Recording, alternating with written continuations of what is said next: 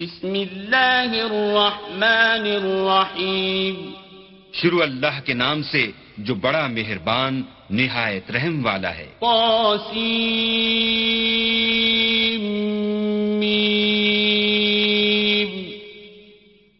تلك آیات الكتاب المبین۔ تاسیم میم۔ یہ کتاب روشن کی آیتیں ہیں۔ نتلو عليك بالنبأ موسى وفرعون بالحق لقوم يؤمنون اے محمد صلی اللہ علیہ وآلہ وسلم ہم تمہیں موسا اور فرعون کے کچھ حالات مومن لوگوں کے سنانے کے لیے صحیح صحیح سناتے ہیں۔ ان فرعون علا في الارض وجعل اهلها شيعا يستضعف طائفة منهم يذبح ابناءهم ويستحيي نساءهم انه كان من المفسدين کہ فرعون نے ملک میں سر اٹھا رکھا تھا اور وہاں کے باشندوں کو گروہ گروہ بنا رکھا تھا۔ ان میں سے ایک گروہ کو یہاں تک کمزور کر دیا تھا کہ ان کے بیٹوں کو ذبح کر ڈالتا اور ان کی لڑکیوں کو زندہ رہنے دیتا۔ بے شک وہ مفسدوں میں تھا۔ ونريد أن نمن على الذين استضعفوا في الأرض ونجعلهم أئمة ونجعلهم الوارثين۔ اور ہم چاہتے تھے کہ جو لوگ ملک میں کمزور کر دیے گئے ہیں ان پر احسان کریں اور ان کو پیشوا بنائیں اور انہیں ملک کا وارث کریں۔ ونمكن لهم في الأرض ونري فرعون وهامان وجنودهما منهم ما كانوا يحذرون۔ اور ملک میں ان کو قدرت دیں اور فرعون اور حامان اور ان کے لشکر کو وہ چیزیں دکھا دیں جس سے وہ ڈرتے تھے وَأَوْحَيْنَا إِلَىٰ أُمِّ مُوسَىٰ أَنْ أَرْضِعِهِ فإذا خفت عليه فألقيه في اليم ولا تخافي ولا تحزني إنا رادوه إليك وجاعلوه من المرسلين اور ہم نے موسا کی ماں کی طرف وہی بھیجی کہ اس کو دودھ پلاؤ۔ جب تم کو اس کے بارے میں کچھ خوف پیدا ہو تو اسے دریا میں ڈال دینا اور نہ تو خوف کرنا اور نہ رنج کرنا۔ ہم اس کو تمہارے پاس واپس پہنچا دیں گے اور پھر اسے پیغمبر بنا دیں گے۔ آل فرعون ليكون لهم عدوا وحزنا. إن فرعون وهامان وجنودهما كانوا خاطئين. تو فرعون کے لوگوں نے اس کو اٹھا لیا، اس لیے کہ نتیجہ یہ ہونا تھا کہ وہ ان کا دشمن اور ان کے لیے موجب غم ہو۔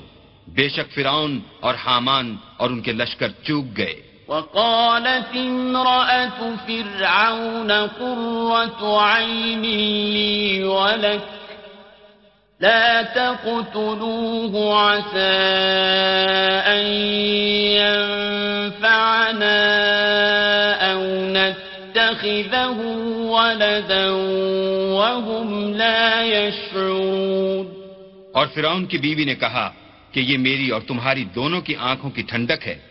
اس کو قتل نہ کرنا شاید یہ ہمیں فائدہ پہنچائے۔ یا ہم اسے بیٹا بنا لیں۔ اور وہ انجام سے بے خبر تھے۔ وأصبح فؤاد أم موسى فارغا۔ إن كادت لتبدي به لولا أن ربطنا على قلبها لتكون من المؤمنين۔ اور موسا کی ماں کا دل بے قرار ہو گیا۔ اگر ہم ان کے دل کو مضبوط نہ کر دیتے تو قریب تھا کہ وہ اس غصے کو ظاہر کر دیں۔ غرض یہ تھی کہ وہ مومنوں میں رہیں۔ وقالت لأخته قصيه فبصرت به عن جنب وهم لا يشعرون۔ اور اس کی بہن سے کہا کہ اس کے پیچھے پیچھے چلی جا تو وہ اسے دور سے دیکھتی رہی اور ان لوگوں کو کچھ خبر نہ تھی۔ وحرمنا عليه المراضع من قبل فقالت هل أدلكم على أهل بيت يكفلونه لكم؟ فقالت هل أدلكم على أهل بيت يكفلونه لكم وهم له ناصحون اور ہم نے پہلے ہی سے اس پر دائیوں کے دودھ حرام کر دیے تھے۔ تو موسا کی بہن نے کہا کہ میں تمہیں ایسے گھر والے بتاؤں کہ تمہارے لیے اس بچے کو پالیں اور اس کی خیر خواہی سے پرورش کریں۔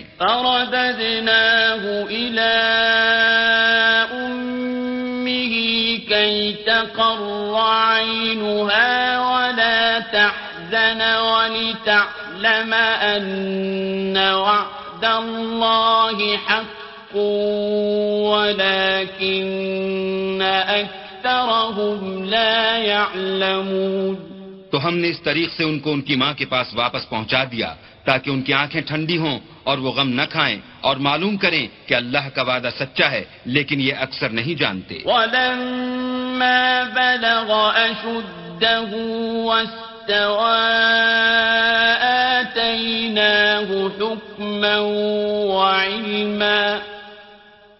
وكذلك نجزي المحسنين اور جب موسا جوانی کو پہنچے اور پھر پورا جوان ہو گئے تو ہم نے ان کو حکمت اور علم عنایت کیا۔ اور ہم نیکوکاروں کو ایسا ہی بدلہ دیا کرتے ہیں۔ ودخل المدينة على حين غفلة من أهلها فوجد فيها رجلين يقتتلان فوجد فيها رجلين يقتتلان هذا من شيعته وهذا من عدوه فاستغاثه الذي من شيعته على الذي من عدوه فوكزه موسى فقضى عليه قال هذا من عمل الشيطان إنه عدو مضل مبين. اور وہ ایسے وقت شہر میں داخل ہوئے کہ وہاں کے باشندے بے خبر ہو رہے تھے تو دیکھا کہ وہاں دو شخص لڑ رہے تھے، ایک تو موسا کی قوم کا ہے اور دوسرا ان کے دشمنوں میں سے، تو جو شخص ان کی قوم میں سے تھا اس نے دوسرے شخص کے مقابلے میں جو موسا کے دشمنوں میں سے تھا مدد طلب کی، تو انہوں نے اس کو مکہ مارا اور اس کا کام تمام کر دیا۔ کہنے لگے کہ یہ کام تو اغوائے شیطان سے ہوا، بے شک وہ انسان کا دشمن اور سریح بہکانے والا ہے۔ قال رب انی ظلمت نفسی فاغفر لی فغفر له انہو هو الغفور الرحیم بولے کہ اے پروردگار میں نے اپنے آپ پر ظلم کیا تو مجھے بخش دے۔ تو اللہ نے ان کو بخش دیا۔ بے شک وہ بخشنے والا مہربان ہے۔ قال رب بما انعمت علی فلن اکون ظہیرا للمجرمین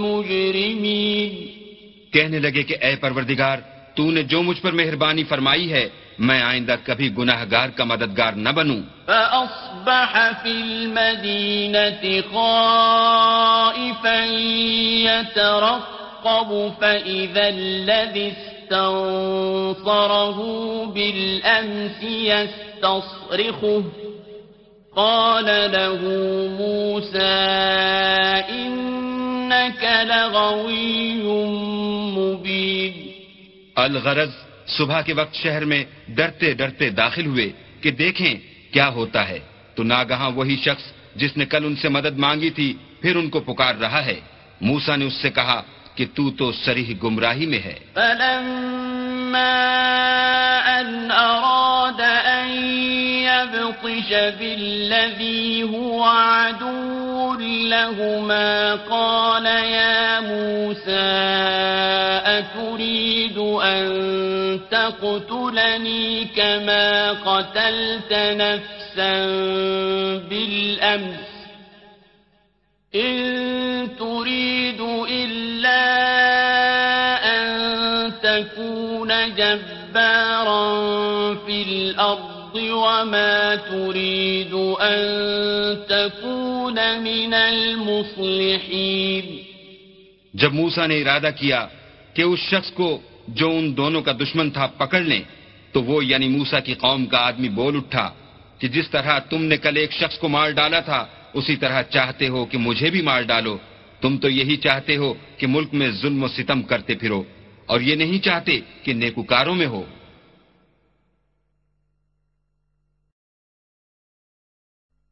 وجاء أقصى المدينة يسعى. قال يا موسى إن الملأ يأتمرون بك ليقتلوك فاخرج.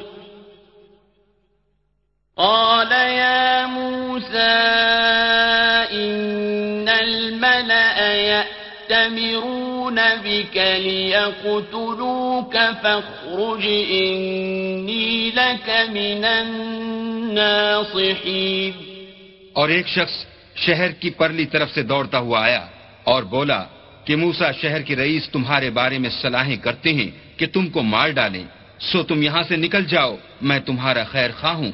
فخرج منها خائفا يترقب قال رب نجني من القوم الظالمين موسا وہاں سے ڈرتے ڈرتے نکل کھڑے ہوئے کہ دیکھیں کیا ہوتا ہے اور دعا کرنے لگے کہ اے پروردگار مجھے ظالم لوگوں سے نجات دے۔ ولما توجه تلقاء مدين قال عسى ربي أن يهديني سواء السبيل. اور جب مدین کی طرف رخ کیا تو کہنے لگے امید ہے کہ میرا پروردگار مجھے سیدھا رستہ بتائے ولما ورد ماء مدين وجد عليه أمة من الناس يسكون ووجد من دونهم امرأتين تذودان قال ما خطبكما قالتا لا نسقي حتى يصدر الرعاء وأبونا شيخ كبير۔ اور جب مدین کے پانی کے مقام پر پہنچے تو دیکھا کہ وہاں لوگ جمع ہو رہے اور اپنے چار پایوں کو پانی پلا رہے ہیں اور ان کے ایک طرف دو عورتیں اپنی بکریوں کو روکے کھڑی ہیں۔ موسا نے ان سے کہا، تمہارا کیا کام ہے؟ وہ بولی کہ جب تک چرواہے اپنے چار پایوں کو لے نہ جائیں، ہم پانی نہیں پلا سکتے اور ہمارے والد بڑی عمر کے بوڑھے ہیں۔ فسقى لهما ثم تولى إلى الظل فقال، رب إني لما أنزلت إلي من خير فقير. تو موسا نے ان کے لیے بکریوں کو پانی پلا دیا۔ پھر سائے کی طرف چلے گئے اور کہنے لگے کہ پروردگار، میں اس کا محتاج ہوں کہ تو مجھ پر اپنی نعمت نازل فرمائے۔ فجاءته إحداهما تمشي على استحياء قالت إن أبي يدعوك ليجزيك أجر ما سقيت لنا فلما جاءه وقص عليه القصص قال لا تخف نجوت من القوم الظالمين دیر کے بعد ان میں سے ایک عورت جو شرماتی اور لجاتی چلی آئی تھی موسا کے پاس آئی اور کہنے لگی کہ تم کو میرے والد بلاتے ہیں کہ تم نے جو ہمارے لیے پانی پلایا تھا، اس کی تم کو اجرت دیں۔ جب وہ ان کے پاس آئے اور ان سے اپنا ماجرا بیان کیا، تو انہوں نے کہا کہ کچھ خوف نہ کرو، تم ظالم لوگوں سے بچ آئے ہو۔ قالت احداهما يا استأجره ان خير من استأجرت القوي الامين ایک لڑکی بولی کہ ابا ان کو نوکر رکھ لیجیے کیونکہ بہت بہتر نوکر جو آپ رکھیں وہ ہے جو توانا اور امانت دار ہو۔ قال إني أريد أن أنكحك إحدى ابنتي هاتين على أن تأجرني ثماني حجج فإن أتممت عشرا فمن عندك وما أريد أن أشق عليك ستجدني إن شاء الله من الصالحين. انہوں نے موسا سے کہا کہ میں چاہتا ہوں اپنی ان دو بیٹیوں میں سے ایک کو تم سے بیاہ دوں۔ اس عہد پر کہ تم آٹھ برس میری خدمت کرو اور اگر دس سال پورے کر دو تو وہ تمہاری طرف سے احسان ہے۔ اور میں تم پر تکلیف ڈالنی نہیں چاہتا تم مجھے انشاءاللہ نیک لوگوں میں پاؤ گے۔ قال ذلك بيني وبينك. أيما الأجلين قضيت فلا عدوان علي والله على ما نقول وكيل موسا نے کہا کہ مجھ میں اور آپ میں یہ عہد پختہ ہوا، میں جون سی مدت چاہوں پوری کر دوں، پھر مجھ پر کوئی زیادتی نہ ہو۔ اور ہم جو معاہدہ کرتے ہیں، اللہ اس کا گواہ ہے۔ فلما قضى موسى الأجل وسار بأهله آنس من جانب الطور نارا. قال لأهلهم كثوا إني آنست نارا لعلي آتيكم منها بخبر. لعلي آتيكم منها بخبر أو جذوة من النار لعلكم تصطلون۔ جب موسا نے مدت پوری کر دی اور اپنے گھر کے لوگوں کو لے کر چلے تو تور کی طرف سے آگ دکھائی دی تو اپنے گھر والوں سے کہنے لگے کہ تم یہاں ٹھہرو، مجھے آگ نظر آئی ہے، شاید میں وہاں سے رستے کا کچھ پتہ لاؤں یا آگ کا انگارہ لے آؤں۔ تاکہ تم تاپو أتاها نودي من شاطئ الواد الأيمن في البقعة المباركة من الشجرة أن يا موسى إني أنا الله رب العالمين. جب اس کے پاس پہنچے تو میدان کے دائیں کنارے سے ایک مبارک جگہ میں ایک درخت میں سے آواز آئی کہ موسا میں تو خدا رب العالمین ہوں۔ وَأَنْ أَلْقِ عَصَاكَ فَلَمَّا رَآهَا تَهْتَزُّ كَأَنَّهَا جَانٌّ وَلَّا مُدْبِرًا وَلَمْ يُعَقِّبْ يَا مُوسَى أَقْبِلْ وَلَا تَخَفْ من اور یہ کہ اپنی لاٹھی ڈال دو، جب دیکھا کہ وہ حرکت کر رہی ہے، گویا سانپ ہے، تو پیٹ پھیر کر چل دیے اور پیچھے مڑ کر بھی نہ دیکھا۔ ہم نے کہا کہ موسا آگے آؤ اور ڈرو مت، تم امن پانے والوں میں ہو۔ أسلك يدك في جيبك تخرج بيضاء من غير سوء واضمم إليك جناحك من الرهب فذلك برهانان من ربك إلى فرعون وملئه انہم كانوا قوما فاسقین اپنا ہاتھ گریبان میں ڈالو تو بغیر کسی عیب کے سفید نکل آئے گا اور خوف دور ہونے کی وجہ سے اپنے بازو کو اپنی طرف سکیڑ دو یہ دو دلیلیں تمہارے پروردگار کی طرف سے ہیں۔ ان کے ساتھ فرعون اور اس کے درباریوں کے پاس جاؤ کہ وہ نافرمان لوگ ہیں۔ قال رب إني قتلت منهم نفسا فأخاف أن يقتلون. موسا نے کہا، اے پروردگار، ان میں کا ایک شخص میرے ہاتھ سے قتل ہو چکا ہے، سو مجھے خوف ہے کہ وہ کہیں مجھ کو مار نہ ڈالیں۔ وَأَخِي هَارُونُ هُوَ أَفْصَحُ مِنِّي لِسَانًا فَأَرْسِلْهُ مَعِي يَرِدْ أَن يُصَدِّقُنِي. إِنِّي أَخَافُ أَن يُكَذِّبُونِ.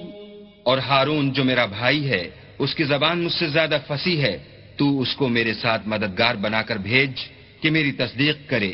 مجھے خوف ہے کہ وہ لوگ میری تکذیب کریں گے۔ قال سنشد عضدك بأخيك ونجعل لكما سلطانا فلا يصلون إليكما بآياتنا أنتما ومن اتبعكما الغالبون۔ اللہ نے فرمایا ہم تمہارے بھائی سے تمہارے بازو کو مضبوط کریں گے اور تم دونوں کو غلبہ دیں گے، تو ہماری نشانی کے سبب وہ تم تک پہنچ نہ سکیں گے۔ اور تم اور جنہوں نے تمہاری پیروی کی غالب رہو گے۔ فلما جاءهم موسى بآياتنا بينات قالوا ما هذا إلا سحر مفترى قالوا ما هذا إلا سحر مفترى وما سمعنا بهذا في آبائنا الأولين. اور جب موسا ان کے پاس ہماری کھلی نشانیاں لے کر آئے تو وہ کہنے لگے کہ یہ تو جادو ہے جو اس نے بنا کھڑا کیا ہے۔ اور یہ باتیں ہم نے اپنے اگلے باپ دادا میں تو کبھی سنی نہیں۔ وقال موسى ربي أعلم بمن جاء بالهدى من عنده ومن تكون له عاقبة الدار إنه لا يفلح الظالمون۔ اور موسا نے کہا کہ میرا پروردگار اس شخص کو خوب جانتا ہے جو اس کی طرف سے حق لے کر آیا ہے اور جس کے لیے عاقبت کا گھر یعنی بہشت ہے۔ بے شک ظالم نجات نہیں پائیں گے۔ وقال فرعون يا أيها الملأ ما علمت لكم من إله غيري فأوقد لي يا هامان على الطين۔ فأوقد لي يا هامان على الطين فاجعل لي صرحا لعلي أطلع إلى إله موسى وإني لأظنه من الكاذبين. اور فرعون نے کہا کہ اے اہل دربار میں تمہارا اپنے سوا کسی کو اللہ نہیں جانتا۔ تو حامان میرے لیے گارے کو آگ لگا کر اینٹیں پکا دو پھر ایک اونچا محل بنا دو تاکہ میں موسا کے اللہ کی طرف چڑھ جاؤں اور میں تو اسے جھوٹا سمجھتا ہوں۔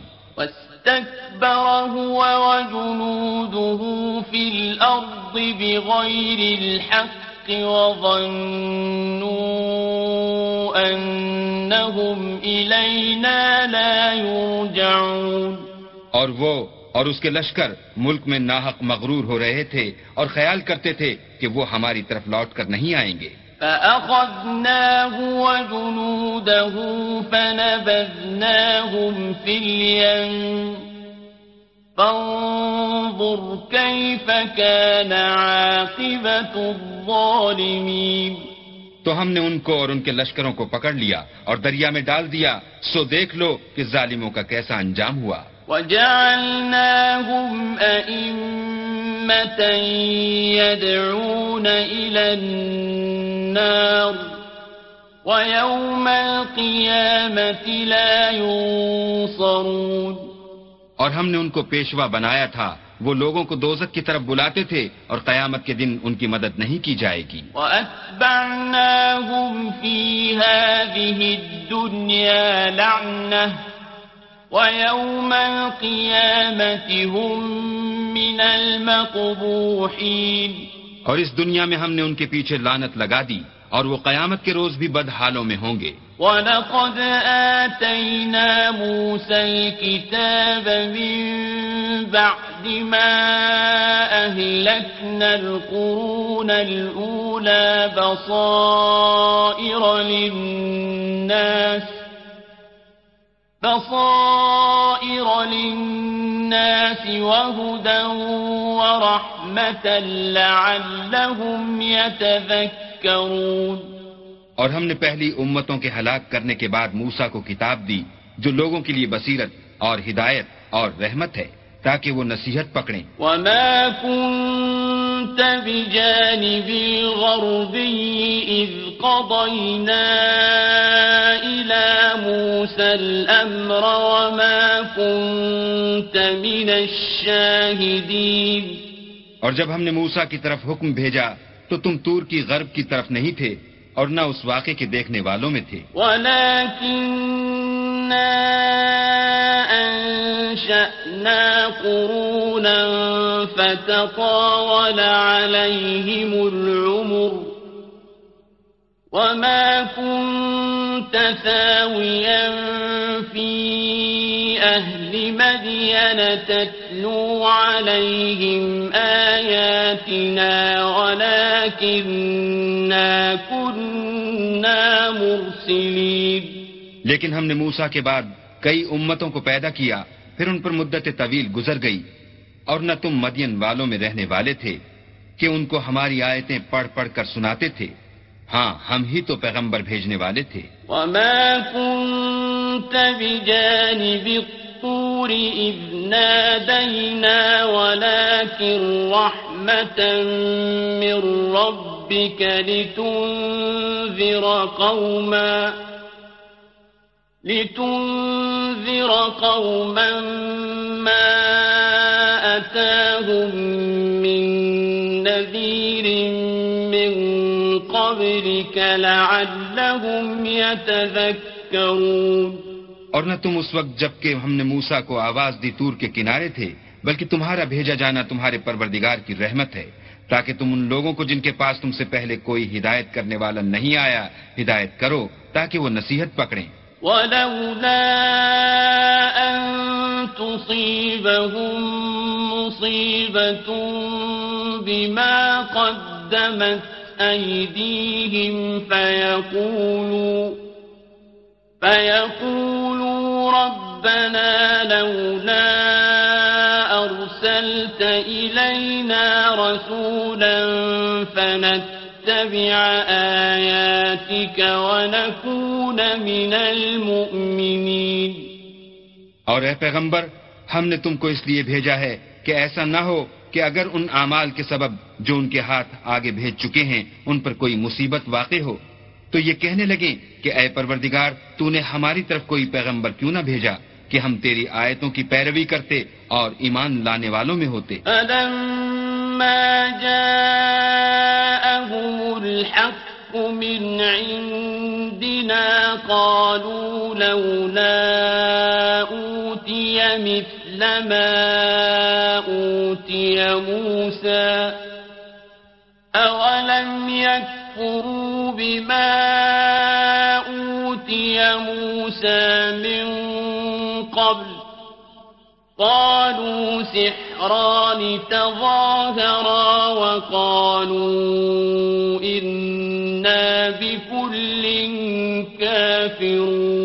پھر جب ان کے پاس ہماری طرف سے حق آ پہنچا تو کہنے لگے کہ جیسی نشانیاں موسا کو ملی تھیں، ویسی اس کو کیوں نہیں ملی؟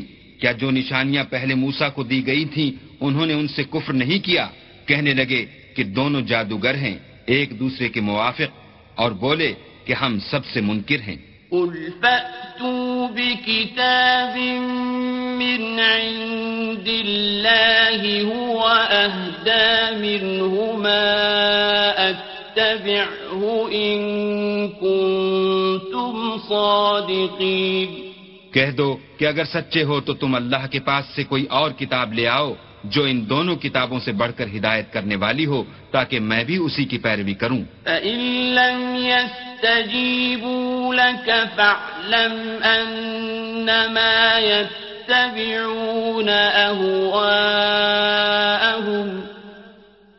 ومن أضل ممن اتبع هواه بغير هدى من الله إن الله لا يهدي القوم الظالمين پھر اگر یہ تمہاری بات قبول نہ کریں تو جان لو کہ یہ صرف اپنی خواہشوں کی پیروی کرتے ہیں اور اس سے زیادہ کون گمراہ ہوگا جو اللہ کی ہدایت کو چھوڑ کر اپنی خواہش کے پیچھے چلے۔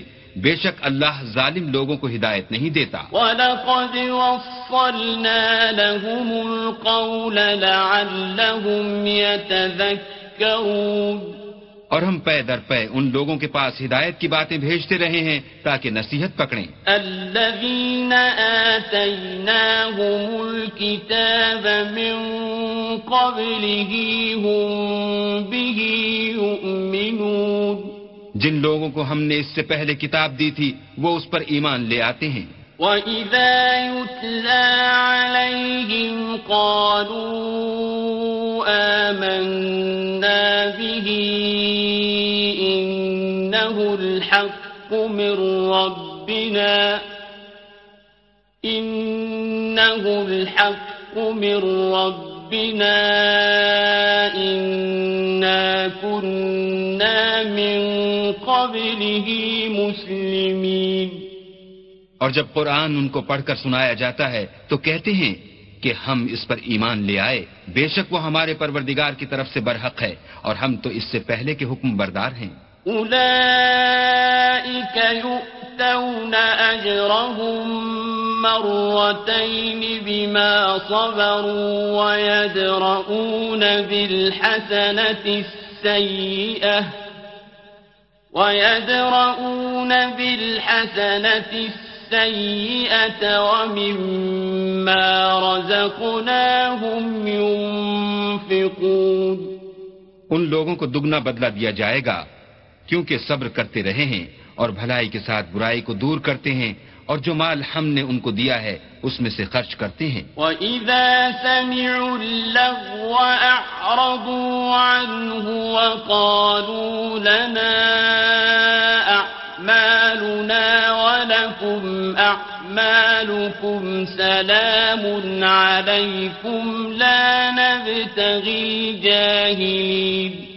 اور جب بےحودہ بات سنتے ہیں تو اس سے منہ پھیر لیتے ہیں اور کہتے ہیں کہ ہم کو ہمارے اعمال اور تم کو تمہارے اعمال تم کو سلام ہم جاہلوں کے خاستگار نہیں ہیں۔ إنك لا تهدي من أحببت ولكن الله يهدي من يشاء وهو أعلم بالمهتدين اے محمد صلی اللہ علیہ وآلہ وسلم، تم جس کو دوست رکھتے ہو اسے ہدایت نہیں کر سکتے، بلکہ اللہ ہی جس کو چاہتا ہے ہدایت کرتا ہے اور وہ ہدایت پانے والوں کو خوب جانتا ہے۔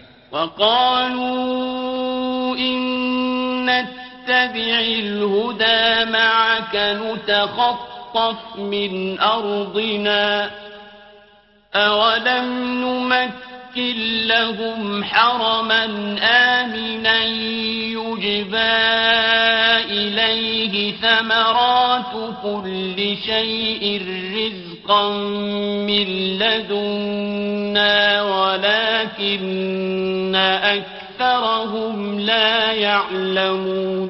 اور کہتے ہیں کہ اگر ہم تمہارے ساتھ ہدایت کی پیروی کریں تو اپنے ملک سے اچک لیے جائیں۔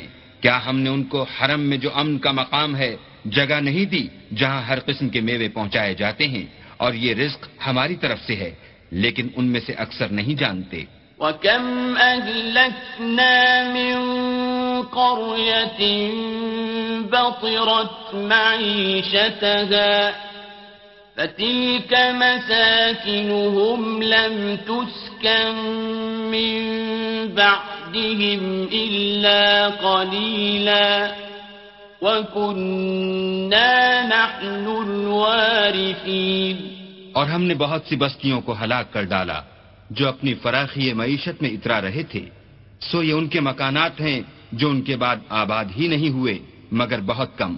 اور ان کے پیچھے ہم ہی ان کے وارث ہوئے۔ وما كان ربك مهلك القرى حتى حتى يبعث في أمها رسولا يتلو عليهم آياتنا وما كنا مهلك القرى إلا وأهلها ظالمون اور تمہارا پروردگار بستیوں کو ہلاک نہیں کیا کرتا جب تک ان کے بڑے شہر میں پیغمبر نہ بھیج لے جو ان کو ہماری آیتیں پڑھ پڑھ کر سنائے اور ہم بستیوں کو ہلاک نہیں کیا کرتے، مگر اس حالت میں کہ وہاں کے باشندے ظالم ہوں۔ وما أوتيتم من شيء فمتاع الحياة الدنيا وزينتها وما عند الله خير وأبقى۔ أفلا تعقلون اور جو چیز تم کو دی گئی ہے وہ دنیا کی زندگی کا فائدہ اور اس کی زینت ہے اور جو اللہ کے پاس ہے وہ بہتر اور باقی رہنے والی ہے کیا تم سمجھتے نہیں؟ أفمن وعدناه وعدا حسنا فهو لاقيه كمن متعناه متاع الحياة الدنيا كمن متعناه متاع الحياة الدنيا ثم هو يوم القيامة من المحضرين بھلا جس شخص سے ہم نے نیک وعدہ کیا اور اس نے اسے حاصل کر لیا، تو کیا وہ اس شخص کا سا ہے جس کو ہم نے دنیا کی زندگی کے فائدے سے بہرہ مند کیا؟ پھر وہ قیامت کے روز ان لوگوں میں ہو جو ہمارے روبرو حاضر کیے جائیں گے۔ ويوم يناديهم فيقول أين شركائي الذين كنتم تزعمون؟ اور جس روز اللہ ان کو پکارے گا اور کہے گا کہ میرے وہ شریک کہاں ہیں جن کا تمہیں دعویٰ تھا۔ قال الذين حق عليهم القول ربنا هؤلاء الذين أغوينا أغويناهم كما غوينا تبرأنا إليك ما كانوا إيانا يعبدون جن لوگوں پر عذاب کا حکم ثابت ہو چکا ہوگا، وہ کہیں گے کہ ہمارے پروردگار یہ وہ لوگ ہیں جن کو ہم نے گمراہ کیا تھا، اور جس طرح ہم خود گمراہ ہوئے تھے، اسی طرح ان کو گمراہ کیا تھا۔ اب ہم تیری طرف متوجہ ہو کر ان سے بیزار ہوتے ہیں، یہ ہمیں نہیں پوچھتے تھے۔ وقيل ادعوا شركاءكم فدعوهم فلم يستجيبوا لهم ورأوا العذاب لو أنهم كانوا يهتدون اور کہا جائے گا کہ اپنے شریکوں کو بلاؤ، تو وہ ان کو پکاریں گے اور وہ ان کو جواب نہ دے سکیں گے۔ اور جب عذاب کو دیکھ لیں گے، تو تمنا کریں گے۔ کہ کاش وہ ہدایت یاب ہوتے۔ ويوم يناديهم فيقول ماذا أجبتم المرسلين؟ اور جس روز اللہ ان کو پکارے گا اور کہے گا کہ تم نے پیغمبروں کو کیا جواب دیا؟ فعميت عليهم الأنباء يومئذ فهم لا يتساءلون. تو وہ اس روز خبروں سے اندھے ہو جائیں گے اور آپس میں کچھ بھی پوچھ نہ سکیں گے۔ فأما من تاب وآمن وعمل صالحا فعسى أن يكون من المفلحين. لیکن جس نے توبہ کی اور ایمان لایا اور عمل نیک کیے تو امید ہے کہ وہ نجات پانے والوں میں ہو۔ وربك يخلق ما يشاء ويختار۔ ما كان لهم الخيرة سبحان الله وتعالى عما يشركون اور تمہارا پروردگار جو چاہتا ہے پیدا کرتا ہے اور جسے چاہتا ہے برگزیدہ کر لیتا ہے، ان کو اس کا اختیار نہیں ہے۔ یہ جو شرک کرتے ہیں اللہ اس سے پاک و بالا تر ہے۔ وربك يعلم ما تكن صدورهم وما يعلنون۔ اور ان کے سینے جو کچھ مخفی کرتے اور جو یہ ظاہر کرتے ہیں تمہارا پروردگار اس کو جانتا ہے۔ وهو الله لا إله إلا هو۔ له الحمد في الأولى والآخرة۔ وله الحكم وإليه ترجعون اور وہی اللہ ہے اس کے سوا کوئی معبود نہیں۔ دنیا اور آخرت میں اسی کی تعریف ہے اور اسی کا حکم اور اسی کی طرف تم لوٹائے جاؤ گے۔ قل أرأيتم إن جعل الله عليكم الليل سرمدا إلى يوم القيامة من إله غير الله يأتيكم بضياء أفلا تسمعون کہو بھلا دیکھو تو اگر اللہ تم پر ہمیشہ قیامت کے دن تک رات کی تاریکی کیے رہے تو اللہ کے سوا کون معبود ہے جو تم کو روشنی لا دے؟ تو کیا تم سنتے نہیں؟ قل أرأيتم إن جعل الله عليكم النهار سرمدا إلى يوم القيامة من إله غير الله يأتيكم بليل تسكنون فيه أفلا تبصرون کہو تو بھلا دیکھو تو، اگر اللہ تم پر ہمیشہ قیامت تک دن کیے رہے، تو اللہ کے سوا کون معبود ہے کہ تم کو رات لا دے، جس میں تم آرام کرو تو کیا تم دیکھتے نہیں؟ ومن رحمته جعل لكم الليل والنهار لتسكنوا فيه ولتبتغوا من فضله ولعلكم تشكرون اور اس نے اپنی رحمت سے تمہارے لیے رات کو اور دن کو بنایا تاکہ تم اس میں آرام کرو اور اس میں اس کا فضل تلاش کرو اور تاکہ شکر کرو۔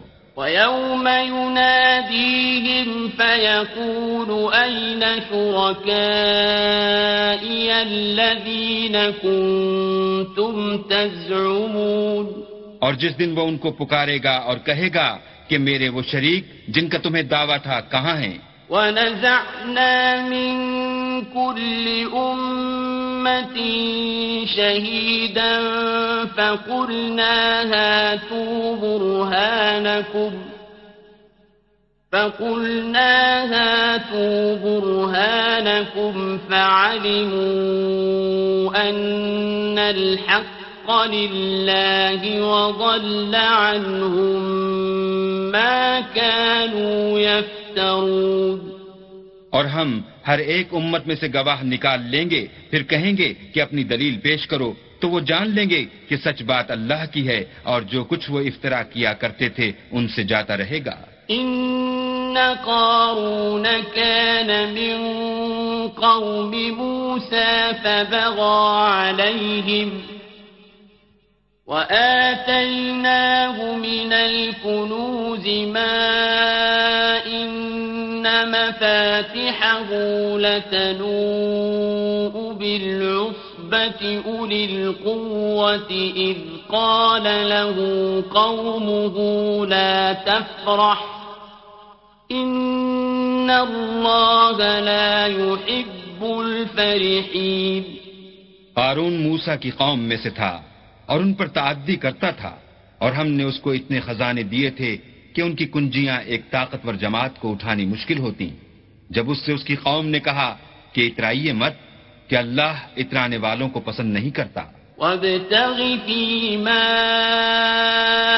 آتاك الله الدار الآخرة ولا تنس نصيبك من الدنيا وأحسن كما أحسن الله إليك ولا تبغ الفساد في الأرض إن الله لا يحب المفسدين اور جو مال تم کو اللہ نے عطا فرمایا ہے، اس سے آخرت کی بھلائی طلب کیجیے اور دنیا سے اپنا حصہ نہ بھلائیے۔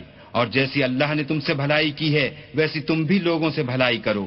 اور ملک میں طالب فساد نہ ہو، کیونکہ اللہ فساد کرنے والوں کو دوست نہیں رکھتا قال إنما اوتیته على علم عندي أولم يعلم أن الله قد أهلك من قبله من القرون من هو أشد منه قوة وأكثر جمعا ولا يسأل عن ذنوبهم المجرمون بولا کہ یہ مال مجھے میری دانش کے زور سے ملا ہے۔ کیا اس کو معلوم نہیں کہ اللہ نے اس سے پہلے بہت سی امتیں جو اس سے قوت میں بڑھ کر اور جمعیت میں بیشتر تھیں ہلاک کر ڈالی ہیں اور گناہ گاروں سے ان کے گناہوں کے بارے میں پوچھا نہیں جائے گا۔ اخرج على قومه في زينته. قال الذين يريدون الحياة الدنيا، يا ليت لنا مثل ما أوتي قارون إنه لذو حظ عظيم. تو ایک روز قارون بڑی آرائش اور ٹھاٹ سے اپنی قوم کے سامنے نکلا۔ جو لوگ دنیا کی زندگی کے طالب تھے کہنے لگے کہ جیسا معلومتا قارون کو ملا ہے، کاش ایسا ہی ہمیں بھی ملے۔ وہ تو بڑا ہی صاحب نصیب ہے۔ وقال الذين اوتوا العلم ويلكم ثواب الله خير لمن آمن وعمل صالحا ولا يلقاها إلا الصابرون۔ اور جن لوگوں کو علم دیا گیا تھا، وہ کہنے لگے کہ تم پر افسوس۔ مومنوں اور نیکوکاروں کے لیے جو ثواب اللہ کے ہاں تیار ہے، وہ کہیں بہتر ہے، اور وہ صرف صبر کرنے والوں ہی کو ملے گا۔ فخسفنا به وبداره الأرض فما كان له من فئة ينصرونه من دون الله وما كان من المنتصرين. بس ہم نے قارون کو اور اس کے گھر کو زمین میں دھسا دیا تو اللہ کے سوا کوئی جماعت اس کی مددگار نہ ہو سکی اور نہ وہ بدلہ لے سکا۔ وأصبح الذين تمنوا مكانه بالأمس يقولون ويكأن الله يبسط الرزق لمن يشاء من عباده ويقدر لولا أمن الله علينا لخسف بنا ويكأنه لا يفلح الكافرون اور وہ لوگ جو کل اس کے رتبے کی تمنا کرتے تھے، صبح کو کہنے لگے، ہائے شامت، اللہ ہی تو اپنے بندوں میں سے جس کے لیے چاہتا ہے رزق فراخ کر دیتا ہے اور جس کے لیے چاہتا ہے تنگ کر دیتا ہے۔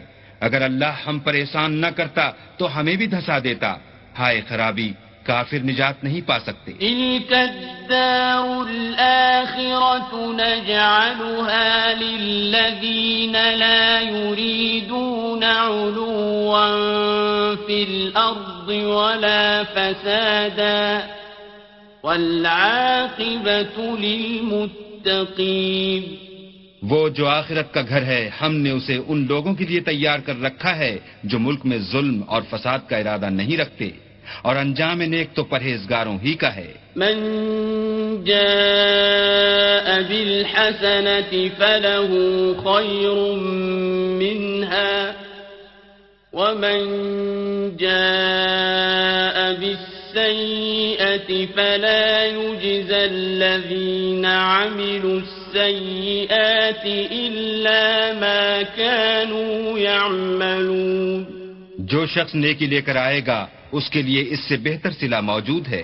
اور جو برائی لائے گا، تو جن لوگوں نے برے کام کیے، ان کو بدلہ بھی اسی طرح کا ملے گا، جس طرح کے وہ کام کرتے تھے۔ إن الذي فرض عليك القرآن لرادك إلى معاد قل ربي أعلم من جاء بالهدى ومن هو في ضلال مبين.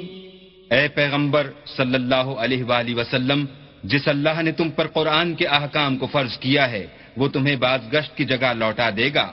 کہہ دو کہ میرا پروردگار اس شخص کو بھی خوب جانتا ہے جو ہدایت لے کر آیا اور اس کو بھی جو سریح گمراہی میں ہے۔ وما كنت ترجو أن يلقى إليك الكتاب إلا رحمة من ربك فلا تكونن ظهيرا للكافرين اور تمہیں امید نہ تھی کہ تم پر یہ کتاب نازل کی جائے گی مگر تمہارے پروردگار کی مہربانی سے نازل ہوئی۔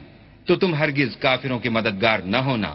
ولا يصدنك عن آيات الله بعد إذ أنزلت إليك وادع إلى ربك ولا تكونن من المشركين۔ اور وہ تمہیں اللہ کی آیتوں کی تبلیغ سے بعد اس کے کہ وہ تم پر نازل ہو چکی ہیں روک نہ دیں۔ اور اپنے پروردگار کو پکارتے رہو اور مشرکوں میں ہرگز نہ ہو جیو۔ ولا تدع مع الله إلها آخر۔ لا إله إلا هو۔ كل شيء هالك إلا وجهه۔ له الحكم وإليه ترجعون۔ اور اللہ کے ساتھ کسی اور کو معبود سمجھ کر نہ پکارنا اس کے سوا کوئی معبود نہیں۔ اس کی ذات پاک کے سوا ہر چیز فنا ہونے والی ہے۔ اس کا حکم ہے اور اسی کی طرف تم لوٹ کر جاؤ گے۔